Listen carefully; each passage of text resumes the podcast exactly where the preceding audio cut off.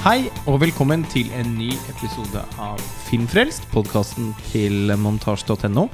Vi er eh, fortsatt på plass i Berlin og har sett eh, det norske bidraget til årets hovedkonkurranse, nemlig Hans Petter Molands adaptasjon av Per Pettersons svært kritikerroste roman 'Ut og stjele hester'.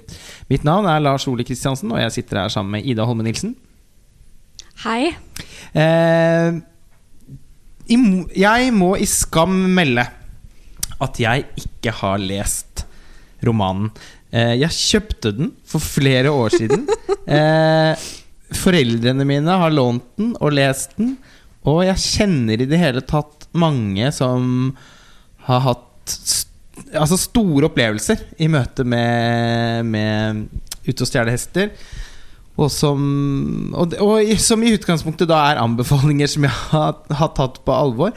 Eh, jeg har ikke noe Og jeg prøver også å følge med litt i Altså eh, På tross av at jeg bruker så mye tid på å se film, så er jeg ikke en sånn person som ikke leser. Eh, og, og forsøker å også følge litt med på, på norsk litteratur. Eh, og forfattere som ja, Knausgård eller Thomas Espedal Linn Ullmann. Det er flere som jeg liksom følger ganske tett.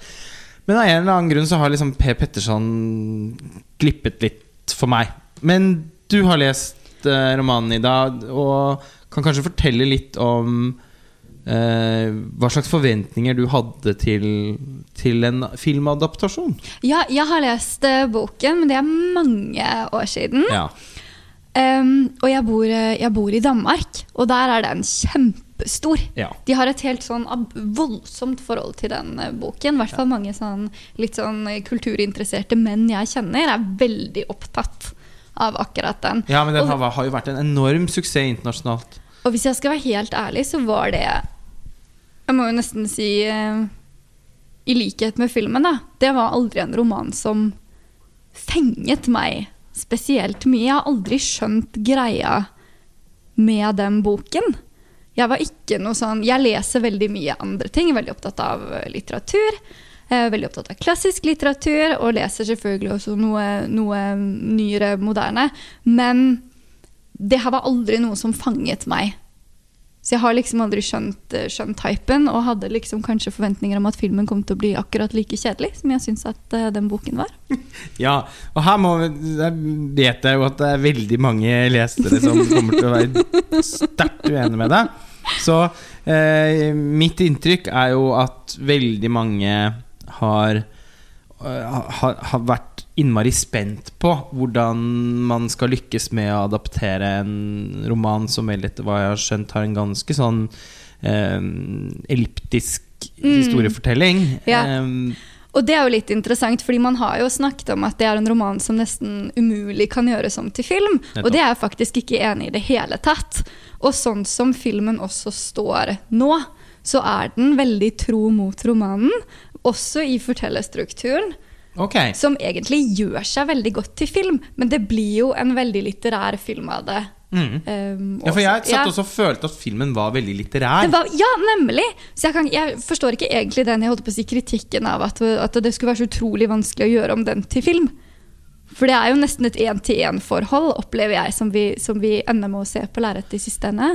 Men, men, men, men et oppfølgingsspørsmål til det er på en måte da om det egentlig Er det den type litteratur som egner På tross av at eh, du mener at filmen eh, egentlig følger romanen Legger seg veldig tett opp til romanen, eh, og at det kanskje også på en måte er en sånn elliptisk fortellerstil er noe vi egentlig er vant til da, fra, Ja.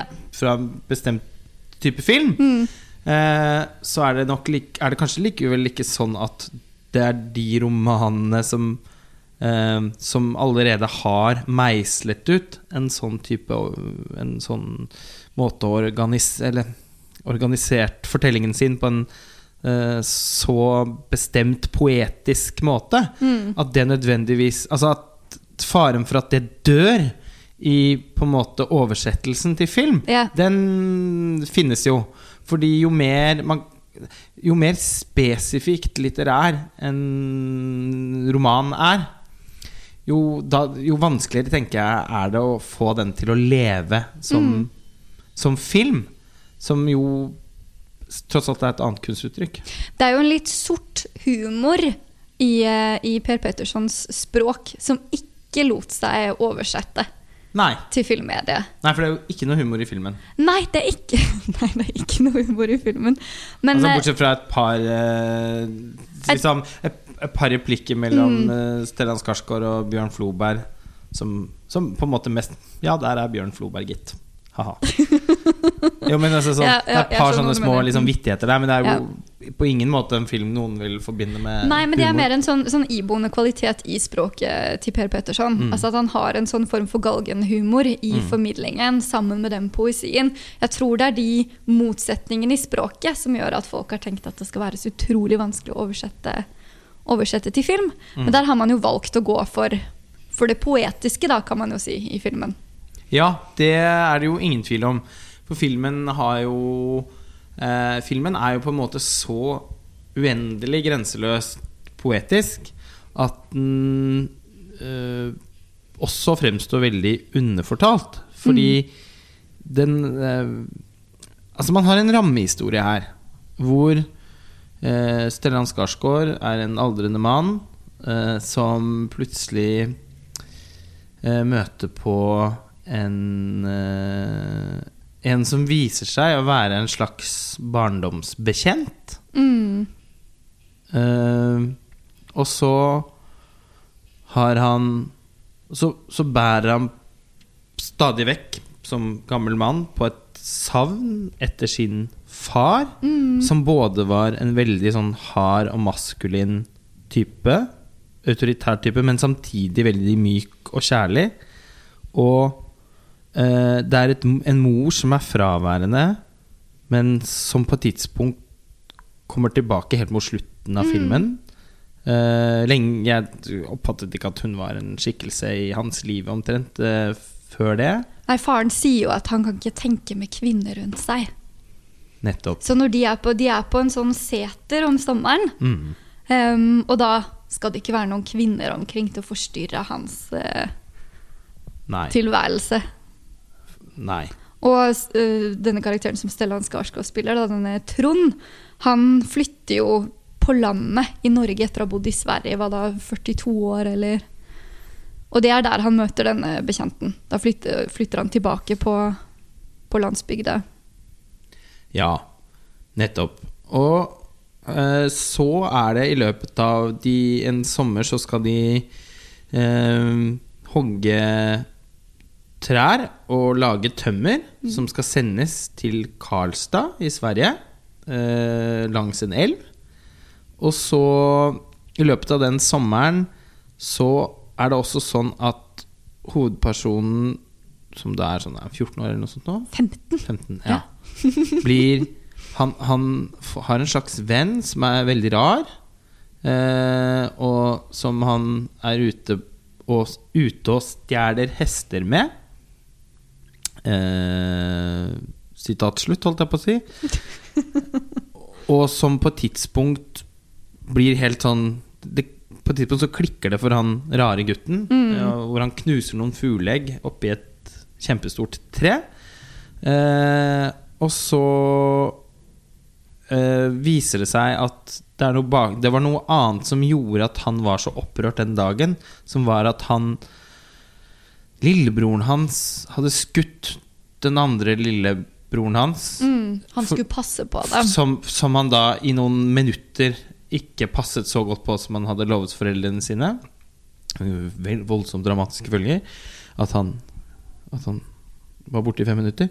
Eh, og så blir det jo selvfølgelig da fryktelig eh, for den familien. Men eh, Og mannen der, han hjelper faren til hovedpersonen med dette tømmeret. Mm. Og kona, hun eh, blir både hovedpersonen og faren forelsket i samme sommer. Og så oppstår det et slags sånn sjalusidrama. Og det er en seksuell oppvåkning Mm. hos hovedpersonen. Men, men altså, det, jeg, jeg, klar, altså jeg, kan forestille meg utmerket godt at dette fungerer som litteratur, men som filmfortelling så så var det eh, ikke spesielt eh, fengende, for å si det forsiktig. Nei, Den seksuelle oppvåkningen var jo nesten spesielt klein, da det var sånn orgasmescene i en robåt. oh, som, som gjorde veldig vondt å se på. Det, var nesten, altså, det er deler av denne filmen som jeg nesten syns var som å sitte i den elektriske stolen. Altså, så pinlig jeg syns det var. Uh, den har uh, Jeg kjenner jo bare at når jeg skal forsøke å liksom gjengi plottet i filmen, Ja, men jeg hører det. så fremstår det jo ikke så veldig bra. Nei, da, da, har film, da, da, da, gjør, da mislykkes filmen med noe, tenker jeg. Fordi yeah. den, den skal liksom den er, den, I klipperommet er den strukturert Mm. som en slags bevissthetsstrøm. Åpenbart inspirert av ne, språket i boken, ja. Mm. Nettopp. nettopp. Men så bare lykkes det ikke. Nei. Og, og boken har jo også formen med konstant voiceover, da, hvis det skulle overføres til film. Det hadde jo ikke Så det, det blir jo Men det er jo enormt mye voiceover i filmen. Det er nemlig enormt mye voiceover i filmen. Ja, altså det er, så mye, det er jo nesten hele tiden. Selv Stellan Skarsgård sånn Det var den sommeren hvor, min far lærte meg at noen ting skal gjøre vondt. Men- det var den sommeren hvor Det var jo Du velger selv. Ja, men det som, det som jeg nesten syns var det verste Eller det var ikke det verste med filmen, det er bare tull. Men noe som jeg reagerte veldig på, det var at filmen var veldig opptatt av å få med alle sitatene. Fordi dette er jo også en bok som er veldig mye sitert. Altså Med det der med du velger selv når det skal gjøre vondt, og det med 'jeg kan ikke tenke med kvinner omkring'. Nå husker jeg jo ikke disse sitatene ordrett, men det virket som om filmen var veldig opptatt av å få liksom bakt inn disse sitatene med fet skrift. Veldig Veldig! Og jeg følte at det var liksom voiceoverens formål også, sånn at, det, sånn at de i publikum skulle sitte og kjenne seg igjen i å, nå er vi i Pettersons litterære univers. Og der kom den! Der kommer liksom alle publikumsfavorittene. Ja. At de kunne sitte og smake litt på de Men apropos smake. Det verste var jo eh, når vi snakker om sitater jeg, er litt allergisk for når man skal si tittelen til en film i filmen. Generelt. Men her ble 'Ute og stjele hester' sagt eh, litt for mange ganger. Og med litt for stort trykk. De tok liksom litt sats før de skulle si 'Ute og stjele hester' med litt sånn anførselstegn på. Opp som en løve. Og ned som en fell. Eh, altså Jeg vet Altså, jeg må Jeg syns jo det er litt vanskelig da å være Eller eh, Jeg blir veldig forvirret av denne filmens mottagelse her nede.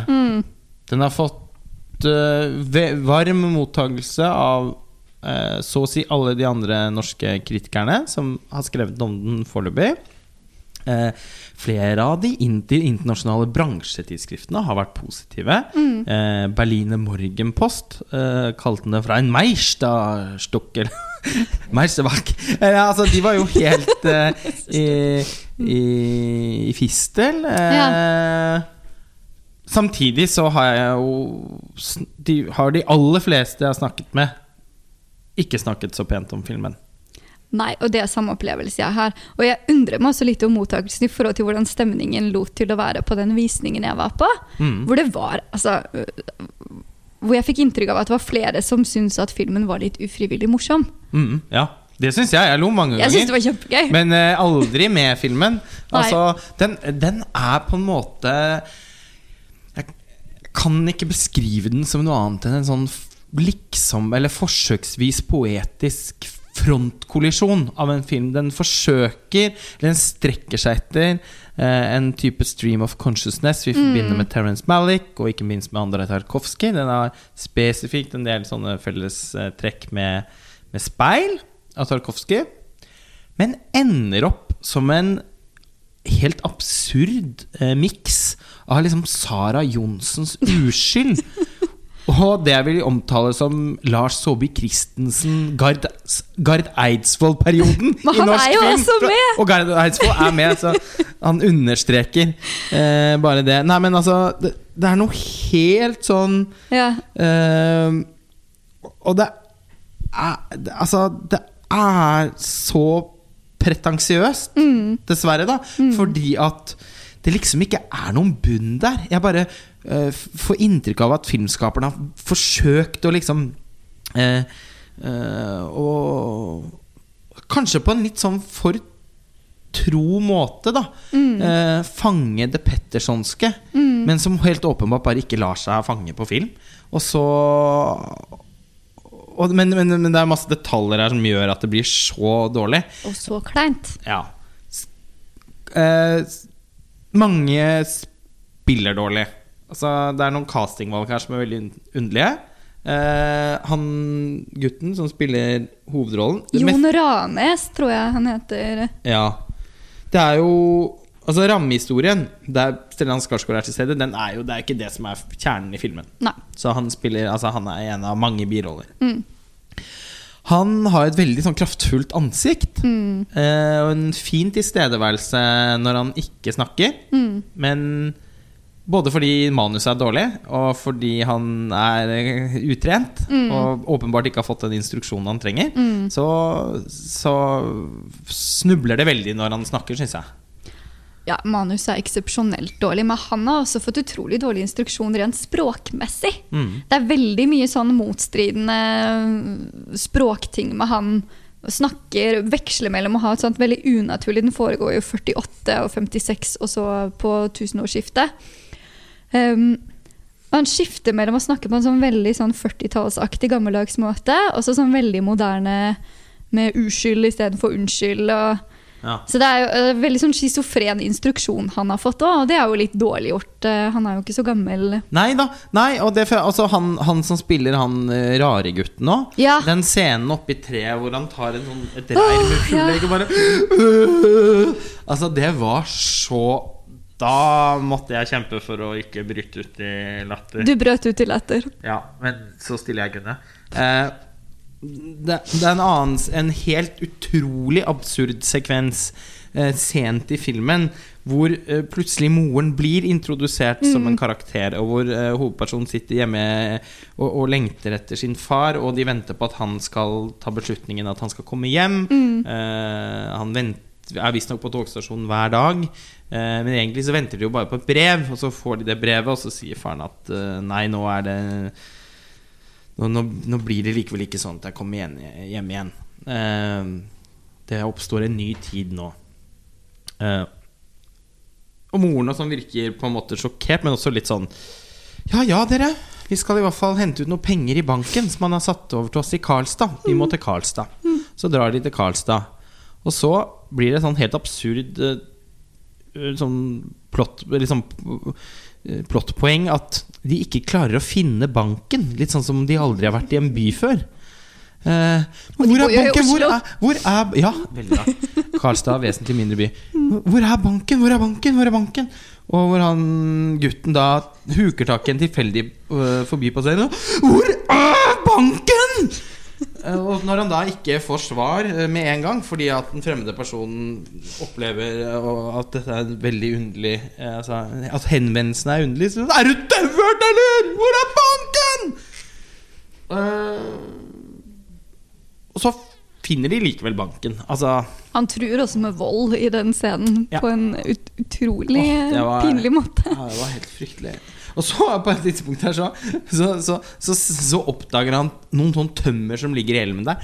Og da følte jeg at alt var mulig i denne filmen. Og da satt jeg og lurte på om han rett og slett skulle kaste seg ut i elven og begynne å dra de tømmerne oppover og inn til banken. Ja. For å Få pengene. så- Dette var før Vips for å si det sånn. Uh, nei, men altså det, det, Og det er en veldig, det er en veldig merkelig måte for filmen å avrundes på.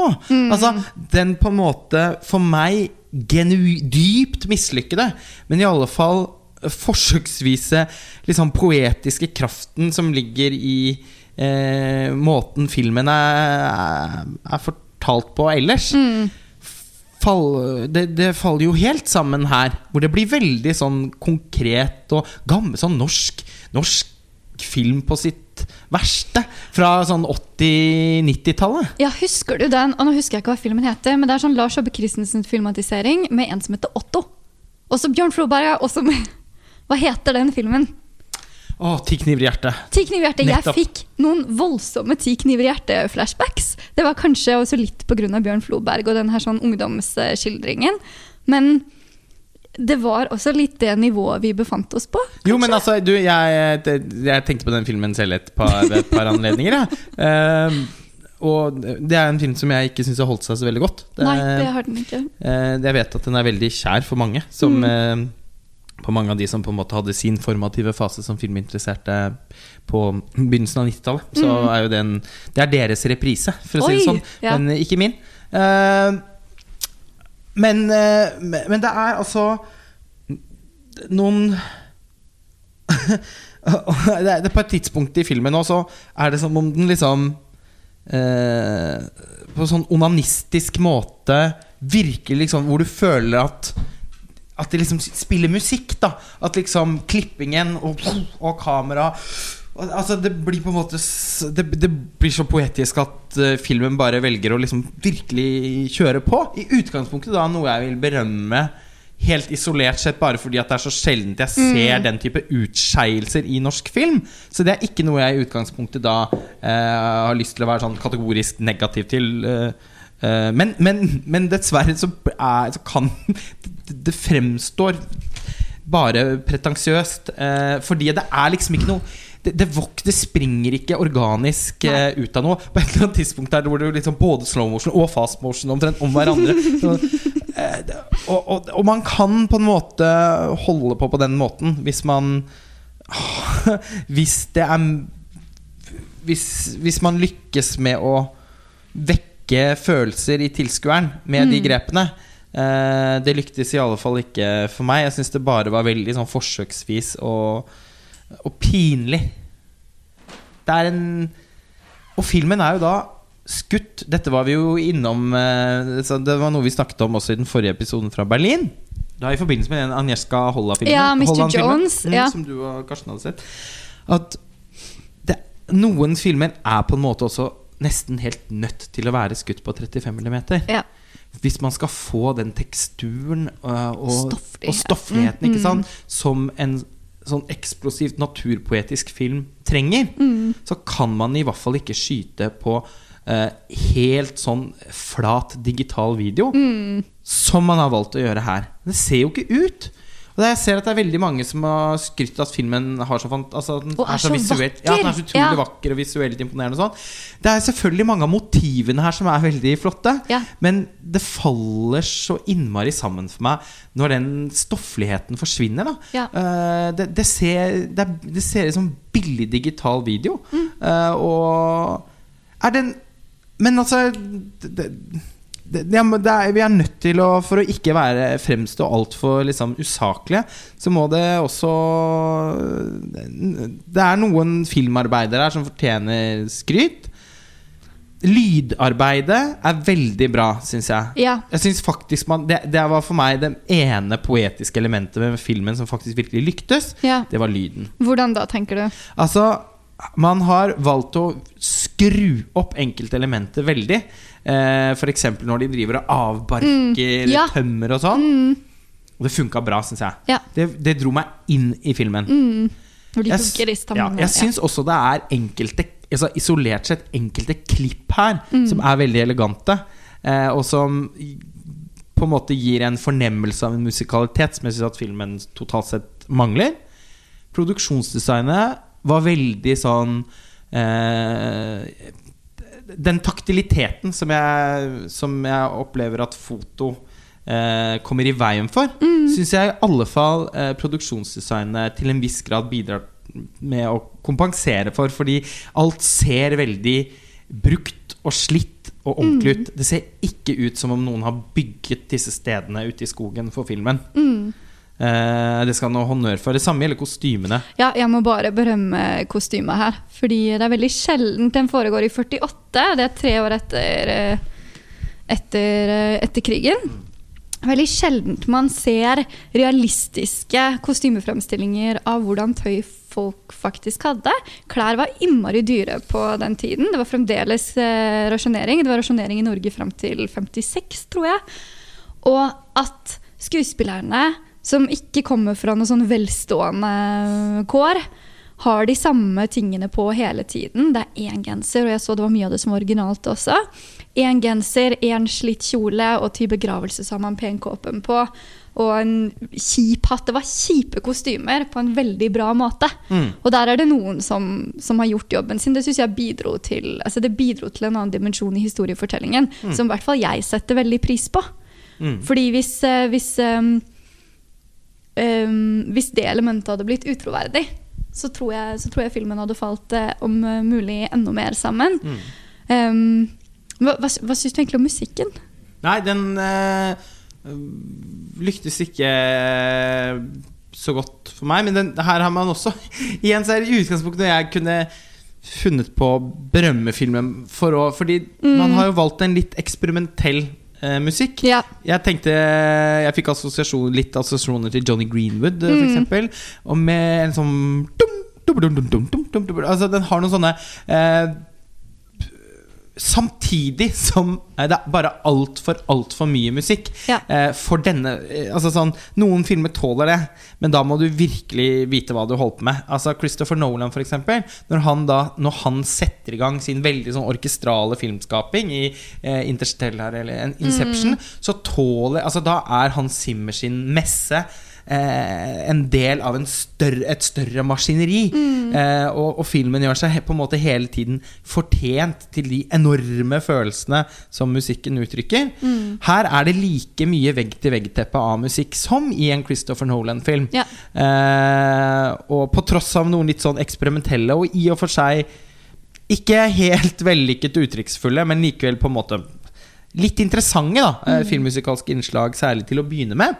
Så når filmen liksom mm, eh, blir var, litt sånn varm i trøya, så blir det også mer og mer sånn lag på lag. Og, og da Jeg klarer ikke å huske noen av temaene, men, men det var veldig sånn at jeg følte at At man eh, At musikken ga uttrykk for følelser som jeg i hvert fall ikke klarte å eh, Om jeg klarte å helt sånn uh, Å liksom helt tørt lese de ut av filmen. Ja, her er det meningen at det skal være veldig sterkt nå. Så klarte jeg jo ikke å føle noe av det. Nei. Og da bidro det til litt sånn ufrivillig komikk. Uh, dessverre. Filmen ble veldig varm i trøya uten, uten meg også. Mm. Det var, det var veldig mye føleri. Men jeg vet altså, jeg, jeg lurer jo veldig på, da, det burde jo selvfølgelig ikke være noe grunnlag å bedømme den filmen på, men om folk som har et veldig sterkt forhold til den boken, Ja, det, har en annen filmopplevelse enn meg. Fordi jeg var ikke så veldig um, begeistret eller opptatt av den på noen som helst måte. Og jeg har det på samme måte med film. Det rører meg ikke. Nei. Nei, det, Jeg er men, helt også, men samtidig så uberørt. tenker jeg at jeg, det, jeg er også dypt uberørt av Ut og stjele hester-filmen. Mm. Men, altså, men, men det er ikke noe Det er ikke nødvendigvis et kriterium for meg, det. Altså, det er klart, det vil jo løfte noe veldig? Mm. hvis man kan kjenne det. Eh, eh, på, på kroppen. Mm. Eh, og kjenne at liksom, hjertet blir varmt av å se på noe. Eh, eller iskaldt, for den saks skyld. Men, eh, men det er ikke kriterium i seg selv. Altså sånn Jeg, jeg syns Så hovedproblemet mitt med filmen er egentlig ikke at jeg at jeg ikke blir så grepet av fortellingen, men at jeg syns at fortellingen er rotete. Jeg syns, filmen er dårlig fortalt. Jeg eh, syns filmen er veldig påståelig eh, og sentimental. Eh, og, og, og derfor pinlig. Ja. Den, jeg føler at filmen hele tiden liksom eh, så tydelig gir uttrykk for at jeg skal ha de eh, svulmende følelser for det som, som skjer på lerretet. Og så er jeg ikke eh, nesten ikke i nærheten av å være interessert engang. Jeg bare venter på at lidelsen skal være slutt. Fordi Og det var en lang lidelse. var, Ja, den filmen var over to timer, og det føltes som fire. Fem. Eh, men altså som, Det må jo sies, da. Det mange Bortsett fra folk som liksom er profesjonelt involvert med film, i filmen på en eller annen måte, så har jeg ikke truffet noen eh, som, som har vært begeistret for den. Eh, rent bortsett fra et par av anmelderne i dagspressen da, som har gitt Ja, har stort sett fått terningkast fire, eh, men med ganske sånn varm omtale. Eh, og, og, og, det skal filmen på en måte ha. At jeg blir Eller det, opp, opplevelsen skal ha det. At jeg blir jo faktisk innmari Det var ikke sånn at jeg nå ble demotivert eh, fra å lese den boken. Tvert imot så ble jeg får jeg veldig lyst til det. Fordi mm. jeg, jeg har lyst til å kanskje få en større forståelse for hva jeg opplevde at gikk så galt. Eh, det var også ja, ja, Altså, jeg kan virkelig få fornemmelse av at dette kan fungere som litteratur. Bare at det gjorde det ikke som film. Ikke for oss, i hvert fall. Nei, og bare for si eh, Bare for å komme litt tilbake til skuespillerne, så er det jo et sånn, litt sånn stjernegalleri. Og det er ingen som spiller spesielt godt. Nei, det er det ikke. Eh, og du har jo hun danske Danica, også et etternavn som jeg aldri klarer å få has på, som, som spiller en norsk rolle med fire veldig um, Jeg følte liksom bare at hun hadde fire replikker for at hun ikke kunne mer norsk. Nei, nettopp. Og passet veldig dårlig inn i det der sånn seteruniverset òg. Hun er en veldig, veldig flott, eh, veldig flott skuespiller. Og Pål Sverre Hagen, som jeg i hvert fall pleier å synes er veldig, veldig god. Enig. Pleier å være Altså, Han var ikke bra. ikke bra. Hadde sånn brynete panne liksom gjennom hele Han har en, en scene hvor han liksom spiller sånn veldig ut. Hvor han Ja. får sånn enormt vondt. Ja. Pga. sånn ulykke med tilknyttet tømmere. Med tømmerstokkene. Det, Som Kristin Lavransdatter-flashback jeg fikk da. Med ja, den det var ikke Det var ikke bra. Eh, Tobias Santelmann, som er en kjempebra skuespiller, men som, Ja. bare, som ikke gjør noe galt, men som bare virker sånn feilkastet. Ja. Uh, Stellan Skarsgård gjør en rolle han har gjort i hvert fall 50 ganger før. Mm. Og han er på ingen måte kvikksølv i blod på den filmen. Altså, han, er, han, er, altså, han er fin, han. Eh, Og Bjørn Floberg er alltid fin å se. Og I begynnelsen av filmen så tenkte jeg eh, at nå blir jo dette litt sånn den tredje filmen i, eh, i Molands sånn ja, altså, Skarsgård-trilogi, det må si. Altså, Skarsgård. Nei, men altså, han, han er jo ganske god da på å lage filmer om litt sånn eldre menn.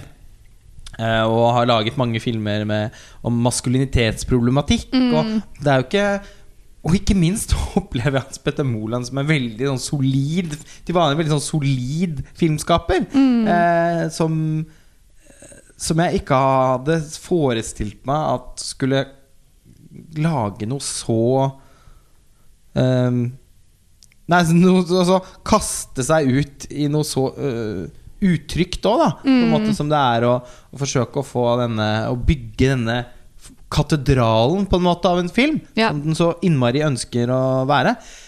Jeg, jeg, med tanke på at han også da er på en måte nærmer seg liksom pensjonsalder og eh, Altså han han er jo liksom i sin sene fase som, som filmskaper, i hvert fall. Så, så må jeg jo også si at jeg på en eller annen måte Jeg syns jo det er mye flottere at han prøver på noe sånt, enn, at, enn at han ikke gjør det. Men jeg, men jeg klarer bare ikke å å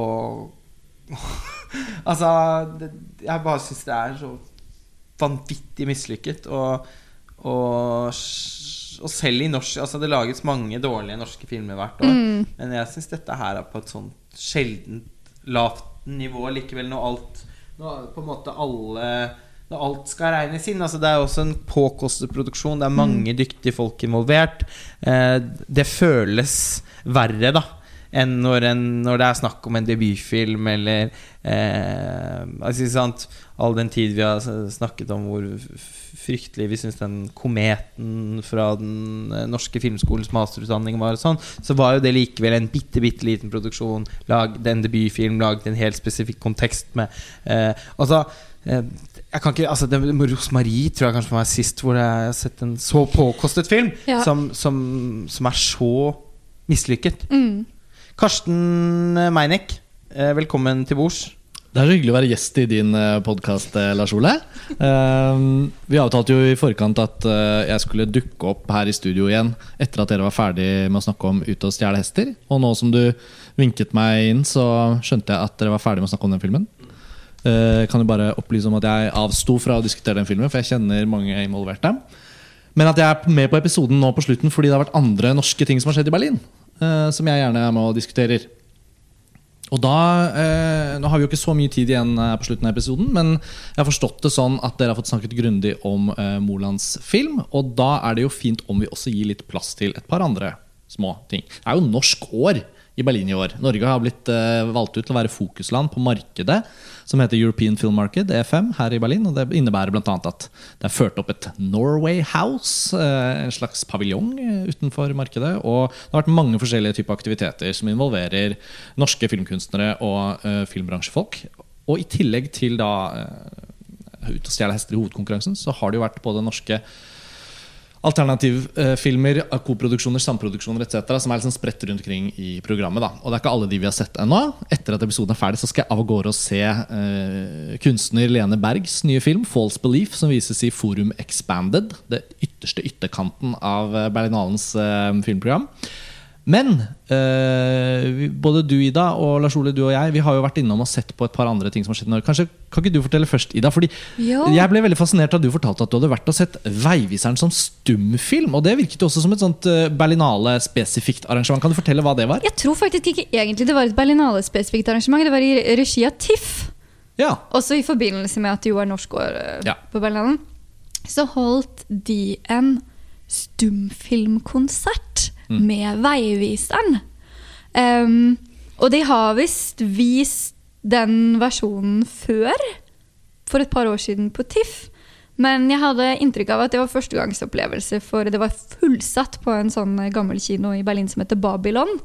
Um, med perkusjonist og gitar og en på vokal uh, som uh, gjorde noe sånn moderne joik. Og siden eh, musikken i original, altså i, i Veiviseren, er så, det er så sterkt og så ikonisk, i hvert fall for, eh, for, for veldig mange, så er det, så er det eh, veldig risikofylt å trekke ut det elementet. Da var da filmen mutet, så det var ikke noe dialog. Altså det, og ikke noe musikk. Og så ble det bare sånn fullstendig overstyrt av denne nykomponerte musikken. Og jeg syns det var helt fantastisk. kult. Jeg syns det fungerte så bra, og det var en sånn suggererende faktor i den nye musikken som Ja, det var virkelig sånn Det var en sterk opplevelse, da. Det er veldig sjeldent, eh, veldig sjeldent man ser det. Kult, jeg kan jo se det for meg, fordi at, at, det funger, at filmen fungerer eh, uten Altså mutet, med, yeah. med, bare med, med musikk. Mm. Fordi at Nils Gaup Ja, eh, mens han fortsatt laget bra film, Mm. så eh, er han jo en veldig sånn En visuell Altså, han Det er visuell historiefortelling. Eh, Som, altså, og Veiviseren er jo, syns jeg, i hans filmografi da, det aller liksom, fremste eksempelet på det. Men Mm. eh, jeg, jeg ser jo virkelig for meg at det fungerer. Ja, og jeg føler jo og- og det, Ofte er det man ender opp med å snakke mye om når man snakker om Veiviseren, som er jo en norsk filmklassiker. Ekte, over 30 år gammel nå. Men Erling Turman Andersen, han fotografen, som dessverre gikk bort, eh, men som eh, rakk å sette sitt preg på flere norske klassikere. Ja, han, altså, han, han, jo han- Anja Breins foretrukne fotograf. eh, ja, og han gjorde også en glimrende jobb med Erik Skjoldberg på 'Insomnia', som man aldri må glemme. Altså Hvor visuelt spennende den filmen også er. Så han konkurrerer vel med Svein Krøvel kanskje om å være den ja, beste norske det er jo fotografen begge noensinne. ja.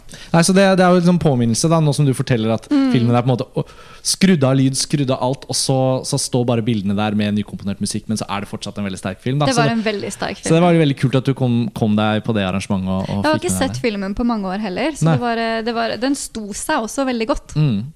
Og apropos urbefolkning, så har jo da Lars Ole og jeg Vi, vi, eh, vi, vi gikk jo og så en annen film eh, samme dagen som vi hadde sett Ut og stjele hester. Og den føler jeg fortjener å få en liten eh, gjennomsnakk. Her har vi et filmprosjekt som er kanadisk i utgangspunktet. Det er en film som heter The Body Remembers When the World Broke Open. Må jeg si er en veldig flott tittel. Eh, Så kan man si, spørre seg akkurat hvorfor filmen heter det. Men, men det er en film jeg liksom liker å si. Eh, og den stammer også fra et dikt, kunne regissøren fortelle etter visningen. Men dette er da en film laget av to filmskapere. Eh, Samisk-kanadiske Elle Maya Tailfeathers og kanadiske Kathleen Hepburn. Um, og um, hun Elle Maya Tailfeathers er også en av filmens hovedrolleinnehavere og har bakgrunn fra dokumentarfilm. Og har her tatt utgangspunkt i en opplevelse hun selv hadde, som har blitt uh, forfattet til et fiksjonsmanus og filmatisert. Og denne filmen er støttet av Det samiske filminstituttet, som er jo en egen finansieringsinstitusjon i Norge. Uh, det er også støttet av det vanlige norske filminstituttet, på en måte, hovedstadsbaserte. Pluss kanadiske institusjoner. Og hun har vært på Sundance Lab og skrevet manuset. og sånn Så. så fremstår det jo ikke som en norsk film. Uh, den utspiller seg i Vancouver. Um, men det er veldig fint å se at i randsonen av det mer etablerte norske filmmiljøet, så ser man jo at mange av disse samproduksjonene og koproduksjonene som norske filmskapere involverer seg i, kommer på beina. Produksjonsselskapet Oslo Pictures. Eh, Nettopp. Dyveke da- Graver og Alan Milligan er vel de norske produsentene som har jobbet på denne filmen. Så veldig oppmuntrende å se at her strekker man eh, fingrene ut og prøver å få realisert historier som ikke nødvendigvis trenger å utspille seg i Norge. Da. Og urbefolkningstematikk ligger jo da og vaker i bakgrunnen av det som egentlig er en ganske sånn sosialrealistisk, eh, for å gjøre det enkelt, da, den lignende type plottkonstruksjon. At man har en en hendelse eh, som eh, både handler om klasse, og som handler om kjønn, og som handler om eh, fattigdom, på sett og vis, eh, som utspiller seg. Og Det er jo et veldig sånn basic plott, men Lars Ole, hva, hva kan vi si at denne filmen eh, handler om? Helt kort fortalt. Nei, det er jo da en uh, ung jente, altså i slutten av tenårene, Ja, 18-19 kanskje. som uh, Som eh, Rosie. Ja. Mm. Som blir ut Altså, hun, hun har en kjæreste som hun også er gravid Hun er gravid med hans barn, og han har mishandlet henne. Og så blir hun bare Etter at hun har blitt mishandlet, så blir hun observert av en kvinne som bare velger å bry seg, eh, og som tar henne med hjem for å Sånn at hun kan få vasket seg og få skiftet klær og uh, føle at hun er i trygghet. Og Filmen åpner jo med to korte scener hvor vi får presentert hver av disse kvinnene. da Eh, Hun Rosie hjemme i et ganske nitrist bomiljø. Og den andre rollefiguren, Ayla, som er hos gynekologen. Eh, Og så starter på en måte filmen når Rosie står der uten verken sokker eller sko på føttene eh, i regnet ved en bussholdeplass. Og hun, er forslått, hun er forslått og, veldig har fått skjelven. bank. Og, ja. Og vi hører stemmen til en veldig sint mann som roper mot henne. Og da, når Ayla da legger sin arm om skulderen til Rosie og tar henne med, så begynner på en måte filmen. Og så er filmen en realtidsfortelling om den en og en halve timen når et menneske velger seg å bry seg om et annet. Skutt i én tagning, eh, men i sek, ja, det var vel seks forskjellige forsøk. Mm. Eh, og med noen synlige Mm. og mange usynlige eller forsøksvis Ja, klipper. og her var jo filmskaperne veldig ærlige. De har skutt den på 16 mm fordi det er vakkert. En rull 16 mm varer ca. 10 minutter. Så selv om det skal fremstå som at det er én tagning, så snakker vi ikke her en sånn steadycam, uh, vise fram at det er én tagning-aktig approach. Men, men de var helt ærlige med at her er filmen sydd sammen, men de har vi skjult for at dere skal oppleve at det hele er et kontinuerlig Ja. løp. Og det var åpenbart liksom en del av metoden Mm. eh, som de hadde forestilt seg at ville være riktig for eh, både var Altså egentlig kanskje mest for skuespillerne. Mm. Eh, de sa jo, fortalte jo også at de var veldig inspirert av teater. mm, og prosess, følte Ja. jeg. Eh, Så, og filmen er veldig teatral òg, så det jo Det merker man jo. eh, På, kanskje mest på vondt, men, eh, men, er, men filmen får jo til noe som Altså Jeg tror dette fungerer strengt tatt av mye bedre som film enn som teaterstykke. Mm. Fordi at filmen kan i hvert fall bringe oss veldig veldig tett på ansiktene til de to hovedpersonene, og som er veldig uttrykksfulle. Mm. Eh, og så bruker nok filmen synes jeg, i overkant eh, lang tid på å eh, formidle noe som vi egentlig forstår ganske raskt. Den føltes innmari lang, Syns jeg i hvert fall. Den varer i 1 time og 45 minutter. Vi har jo diskutert filmen litt mellom at vi så den og nå. Og vi er enige om mye, og så tror jeg vi, vi endte vel opp med at jeg i store trekk likte den et knepp bedre enn deg. Eh, Ja, det har jeg inntrykk av. samtidig som jeg også ser at den, eh, den har noen utfordringer på de formvalgene. Da, og litt sånn estetiske valg den har tatt og ikke tatt. Mm. Eh, jeg syns det er kult at de har valgt 16 mm og skutt den på 16. Kjempefint, selvfølgelig. det. Det Apropos helt, det digitale versus film. ja, ja, så kan man si Var dette en film som måtte være skutt på film? Det er det ikke sikkert Nei, måtte. men her er det i hvert fall en gave, Nettopp. tross alt, da, at den er det.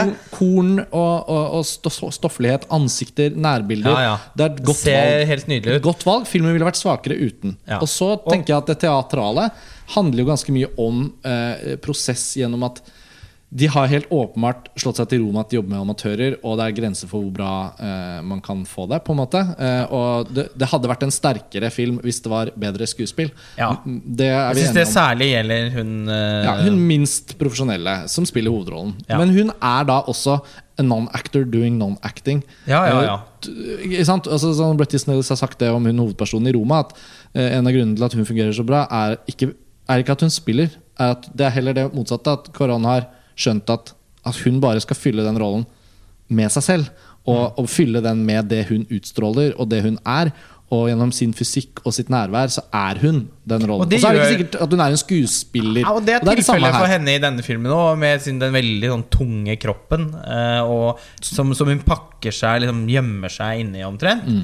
Så, så er jo det i seg selv ganske sånn uttrykksfullt. Det fremstår eh, Hun fremstår på en måte veldig autentisk, Mm. men akkurat når hun skal begynne å når det kommer noen litt mer sånn dramatisk utfordrende scener, så blir det ganske tydelig at hun ikke er skuespiller. Da. Filmen skulle strippet vekk absolutt alt som da ligner på det, og oppført seg komplett dokumentarisk overfor hvordan hun ble portrettert, og så heller la det bli drevet av de andre. Og det er sånne nyanser som så er sånn, Dette er en sånn film hvor man virkelig tenker at det er så mye som er riktig her, og så mye som er på plass, og at den har konsentrert seg om én ting, en hendelse, en tematikk, og den er ren. Og så kunne den vært noen knep bedre. Og det kanskje bærer den preg av at den er en, virket som en debutfilm. Det var noe dokumentarbakgrunn der, men jeg fikk ikke inntrykk av at de hadde en lang filmografi bak seg. Disse to regissørene som har jobbet sammen. var åpenbart en veldig viktig historie for dem å fortelle. De var- brant for filmen, og Ja, det de merker man. for Det slår ut, ja. og de kunne fortelle i etterkant sant, at, Mm. at uh, mennesker med urfolksbakgrunn i Canada har Det var noen veldig skremmende statistikker da, som de presenterte. Både, både i forhold til selvmord og i forhold til fattigdom og, Og, v- altså, arbeidsløshet, vold i Bli utsatt for vold i hjemmet osv. Det var jo så jeg, Det er åpenbart en film som adresserer en eh, problematikk Mm. eh, i Canada som, som, som det er viktig at noen lager film om. Ja. Så det, det er tatt en veldig enkel film å være sympatisk mot. Ja. Og eh, var en Altså, den var langt mer spennende å se enn ja. en Ut og stjele hester.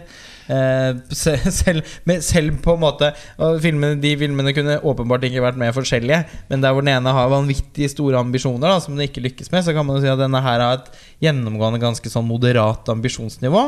Eh, og selv om den da heller ikke liksom eh, den, Som vi allerede har vært inne på, så, så har jo også denne her noen, noen problemer. Men eh, det er likevel en ganske sånn ren gjennomføring. Altså sånn Filmen er så konsekvent i det lille den gjør, at den på en måte også da ender med å gjøre litt inntrykk. da Mm. Nei, Jeg er enig, og jeg er veldig glad vi har sett den. Jeg tenker det er en uh, spennende film, et utgangspunkt for noen filmskapere til å vokse videre på. Så vi får, håpe, vi får håpe dette miljøet og disse, disse relasjonene som ligger til grunn for hvordan denne filmen har blitt til, kan bygge videre på det. Så, og her var det jo flere norske filmkunstnere involvert. Eh, Håkon Lammetun på lyddesign og Christian Siebenhertz som har da klippet inn disse usynlige klippene. Så nei, alt i alt uh, fint. Det rareste her var vel kanskje egentlig mest at den ble vist i Generation 14 Pluss, som er det sideprogrammet for ungdomsfilm. Og Det var veldig eh, rart. Det var ingenting ungdomsfilmaktig over denne historien. Så det hadde egentlig passet bedre i en type forum eller panoramaslott, kanskje. Altså Mid-90s av Jonah Hill, Ja. som jeg så i dag. Ja. Den var en Generation-film. og som er i Panorama. er i Panorama. Ikke lett å bli klok på programmeringen her. Vi får avslutte med det. Eh, Det fins mange andre norske punkter å kommentere på fra årets Berlinale. Masse aktiviteter. Vi har ikke plass til å gå inn på alt, men jeg tror som, som flere av de som følger med, har fått med seg, så har det vært et veldig positivt eh, Berlin-år for den norske filmbransjens eh, lille krok inn i det europeiske og internasjonale markedet. Og all den tid eh, vi ikke er begeistret for utestjålne hester, så var det jo nok av andre som, som var det. Altså Jeg nevnte jo Berliner Morgenpost i stad, og disse internasjonale bransjetidsskriftene og sånn, så det er jo ikke sånn at eh, Altså eh, det, Jeg tror nok uansett eh, man kan dokumentere at årets Berlinale ble ganske vellykket på norsk films vegne. Da. Og det er jo på en måte uansett verdt å glede seg litt over. Jeg gleder meg til å trykke play på denne episoden fra starten av, sånn at jeg får hørt samtalen deres om Ute og stjele hester. Ida, Ja. Tusen takk for at du har fått vært med på og stilt opp på Filmfrelst i disse to episodene nå her i Berlin. ja, men selv takk. Veldig fint å ha deg med. Håper du kommer tilbake til Filmfrelst igjen i fremtiden. Eh, Lars Ole, vi, det gjenstår jo fortsatt noen Berlinale-episoder, så vi får Yes. bare si høres snart til lytterne. Det gjør vi. Eh, eh, flere episoder er på vei, eh, og takk for denne gang. Og ha det bra. Ha Ha det. det bra.